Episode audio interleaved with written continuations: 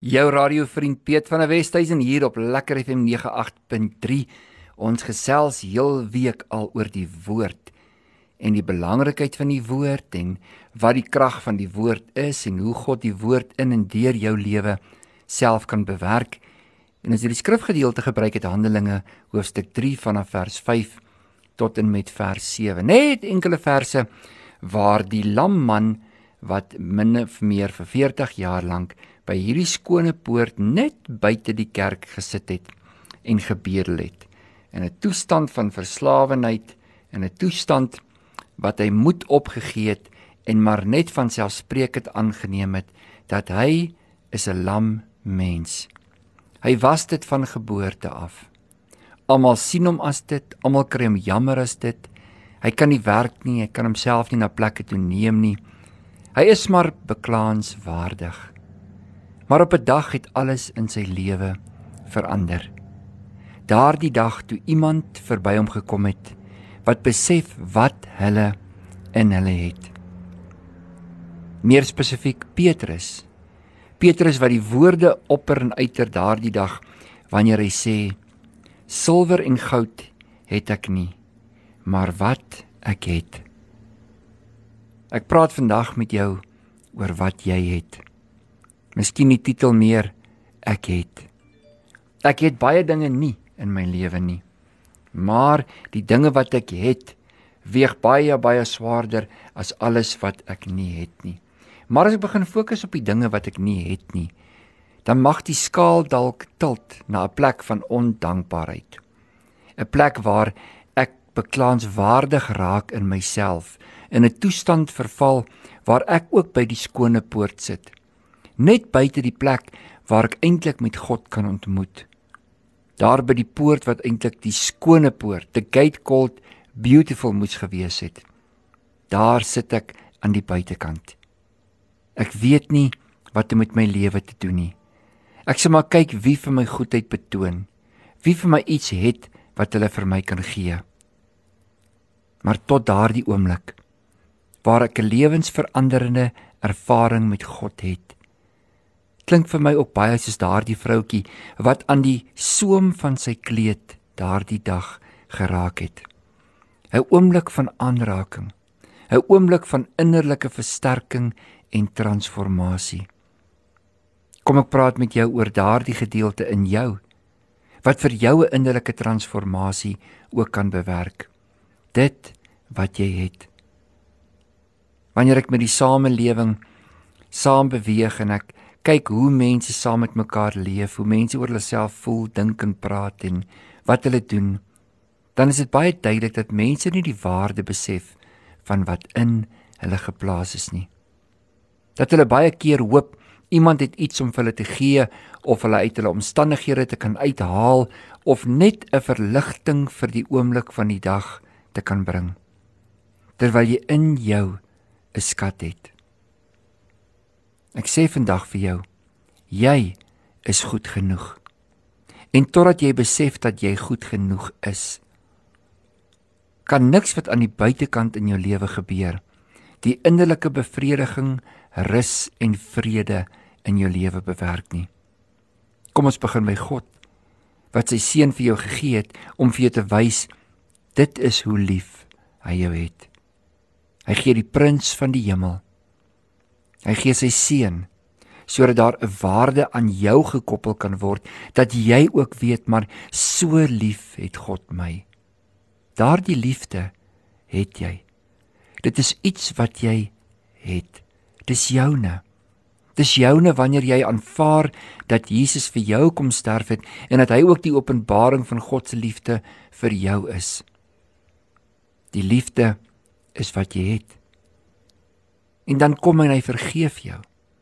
Hy vergewe jou van elke sonde, elke merk wat jy gemis het. Hy kom maak jou vry. Daardie vergifnis is iets wat jy het. Dit leef binne in jou. Daarom kan jy vergewe soos jy vergewe is. Dis iets wat jy het. Wanneer hy kom en hy sê vir jou ek gee my Heilige Gees vir jou. En dan sê Paulus, weet jy dan nie dat die gees van God in jou leef nie? en dat jy die tempel is van die Heilige Gees nie? Ja, jy het die Heilige Gees in jou. Jy het die een wat die Vader hart ken. Jy het die een in jou wat jou leer en lei aangaande die waarheid. Jy het die een in jou wat die sagte influistering vir jou gee van dit wat ewigheidswaarde dra. Dit wat in God se hart vir jou lewe is. Jy het die Heilige Gees in jou. Eintlik het jy die volheid van God in jou. Want daar waar die Gees van die Here is, daar is vryheid, daar is vriendelikheid, daar is liefde. Ja, daar het die liefde volmaak geword. Besef jy dat jy liefde het, vergifnis het, dat jy die Heilige Gees het? Besef jy dat jy ook die woord het wat in jou is? Wanneer jy die woord van God in jou hart bære soos Dawid sê, dan sal jy nie die merk mis nie. Dan sal jy nie teen God sondig nie. Dan beleef jy nie daardie verwydering vanaf God nie. Jy het die woord. Jy het die ewige woord wat alles tot stand hou in jou. Daardie woord wat lewe bring. Daardie woord wat bevryding bring. Daardie woord wat jou krag is, wat jou bemoediging is, daardie woord wat jou help om tot die geloof volkome te kan word daardie woord wat Jesus homself in jou lewe openbaar. Daardie woord waarin ek en jy gehoorsaam is en dan sê Jesus en ek sal die Vader bring en ons sal by jou kom woning maak. Jy het die woord in jou. Jy het die inwoning van die godheid in jou. Jy het gawes en talente soos die woord sê wat aan jou toebedeel is. Elkeen volgens sy genadegawe. Jy het dit in jou. Die uniekheid van jou menswees is in jou. Wanneer jy jouself vergelyk met ander mense, gaan jy altyd tekort skiet. Wanneer jy leef vir ander buite jou, gaan jy altyd onvergenoegd en nie goed genoeg voel nie. Besef vandag dat in die uniekheid wat God jou gemaak het om te wees, daar lê jou krag jou beste poging om soos iemand te wees is maar net 'n miserabelde mislukking. Jy kan nie wat in iemand anders te leef in jou plaas nie. Want in jou leef daar die uniekheid van God se DNA soos wat hy jou saamgestel het. En soos wat hy jou by jou naam geroep het, so het hy jou by jou natuur geroep, so wil hy aktiveer wat in jou is dat dit deur jou lewe kan plaasvind. Dis waar jou krag lê. Waardeer wat ander mense het, sien wat ander mense het. sien wat hulle in hulle binneste dra. Erken dit, komplimenteer mense. In 'n samelewing waar niemand iemand anders enige iets goeds gun nie, kan ek en jy 'n ander gees hê. Sê vir mense, komplimenteer hulle. Maak melding van dinge wat jy in ander mense sien waarin jy hulle wil aanmoedig en versterk. Dinge wat goed in mense is. Ja, versterk daardie dinge wat goed in mense is. Wanneer jy dit doen, dan vind jy ook 'n pad in jouself van goedheid. Jy kom by jou eie skatte uit wanneer jy die skatte wat in ander mense geplaas is, begin ontgin. Ja, word 'n myner van goddelikheid in hierdie dag bring die goddelikheid wat in iemand is na vore. Hierdie lamman in Handelinge hoofstuk 3. Hy het die potensiaal gehad om te kon loop, om te kon werk, om te kon dans, om bly te kon wees. Hy het altyd die potensiaal in hom gehad om te kan sê loof die Here. Maar al wat hy gevra het, was vir 'n almoesie. Hy was tevrede met dit wat hy in sy hand gehad het en het nooit besef en ontwikkel en ontdek wat hy in sy hart gedra het nie. Jy het soveel mooi skatte in jou hart. Kyk in jou hart o mense kind en vind die goddelikheid. Vind die asemhaling en die polsslag van die gees van lewe wat hy in jou geplaas het. En besef, dit is wat jou kwalifiseer. Dit is wat jou goed genoeg maak. Al kan jy nie iets doen soos iemand nie. Solank jy net soos jouself is, solank jy getrou aan jouself is. Uiterlike vrese is maar altyd daarop gebaseer dat ons voel ons is nie goed genoeg vir 'n mens of goed genoeg vir 'n groep of goed genoeg vir 'n gemeenskap nie. God het jou geroep tot die goedheid wat hy in jou geplaas het. Daar's waarde in jou lewe. Hierdie waarde is goed genoeg. Miskien moet jy 'n lysie maak vandag om te besef wat is dit wat jy het? Dit wat ek het, dit het ek om te gee. En as ek weet wat ek het, as ek waardering het vir dit wie God in my is, dit wat God in my geword het, dit wat hy in my geplaas het. As ek kan identifiseer om te sê maar ek het die liefde om te kan gee. Ek het die vergifnis om te kan gee. Ek is goed genoeg vir liefde. Ek is goed genoeg vir vergifnis. Dan besef jy, nou kom deel God ook met die veroordeling.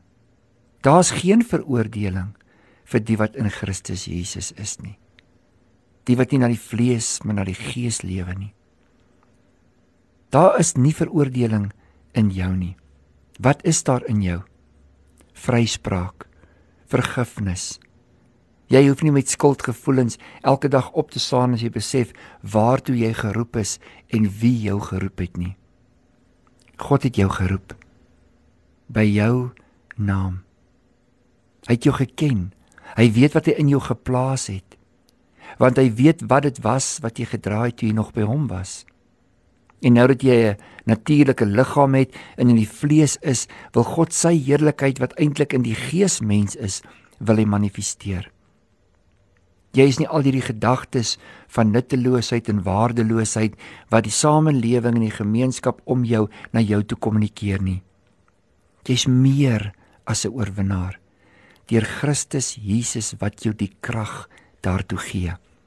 Dit is wat jy het. Jy is meer as 'n oorwinnaar. Jy's nie 'n verloorder nie. Jy is 'n oorwinnaar. Dit is wat jy het. So wanneer jy by enige situasie kom, fokus op wat jy het. Fokus op wie God jou gemaak het om te wees. Dit is die ek is. Wanneer Moses daar staan voor Farao en hy dink wat gaan hy vir die groot Farao kan sê om vir hom te wys wie hom gestuur het. Dan sê God vir Moses, sê vir Farao, ek is het jou na hom toe gestuur want God is alles in jou. Dis waar jou waarde lê. Die Here jou God het die aanwins van jou lewe geword. Hy is die lewe. Christus Jesus wat in jou is. En wanneer jy nie weet wat om te sê nie, vra hom. Wanneer jy nie weet wat om te doen nie, vra hom. Hy is die antwoord. Hy is mos die pad wat hy vir jou oopmaak, die weg Ja, hy is die waarheid. Ja, hy is die lewe. Soos wat jy op pad saam met God loop, so hoor jy, so beleef jy, so voel jy die goddelike teenwoordigheid van wie hy is in en deur jou. Die Here jou God is met jou. Dis hy wat in jou is. En wanneer jy sê wat ek het, dan is dit goed genoeg omdat God nooit ooit nie goed genoeg kan wees nie. Omdat die Heilige Gees nooit ooit nie goed genoeg kan wees nie. Omdat die woord nooit nooit nie goed genoeg kan wees nie. Dit is wat jy het. En wat jy het is goed genoeg. Leef jou lewe deur dit wat jy het. My hart vir jou is dat jy die waarde besef wat in jou lê sodat jy met daardie waarde ook dit kan losmaak wat waardevol en kosbaar in ander mense se lewens lê. Ek glo in jou. Ek wil vandag vir jou sê dat die liefde van God omring in jou. En ek weet dat hy jou geroep het vir 'n beter dag en dat jy vandag sal opstaan in die krag van daardie waarde en daardie waarde vir 'n waardelose wêreld kan bedien. Die genade, die krag, die seën, die goedheid en die guns van die Here rus op jou. Amen en amen.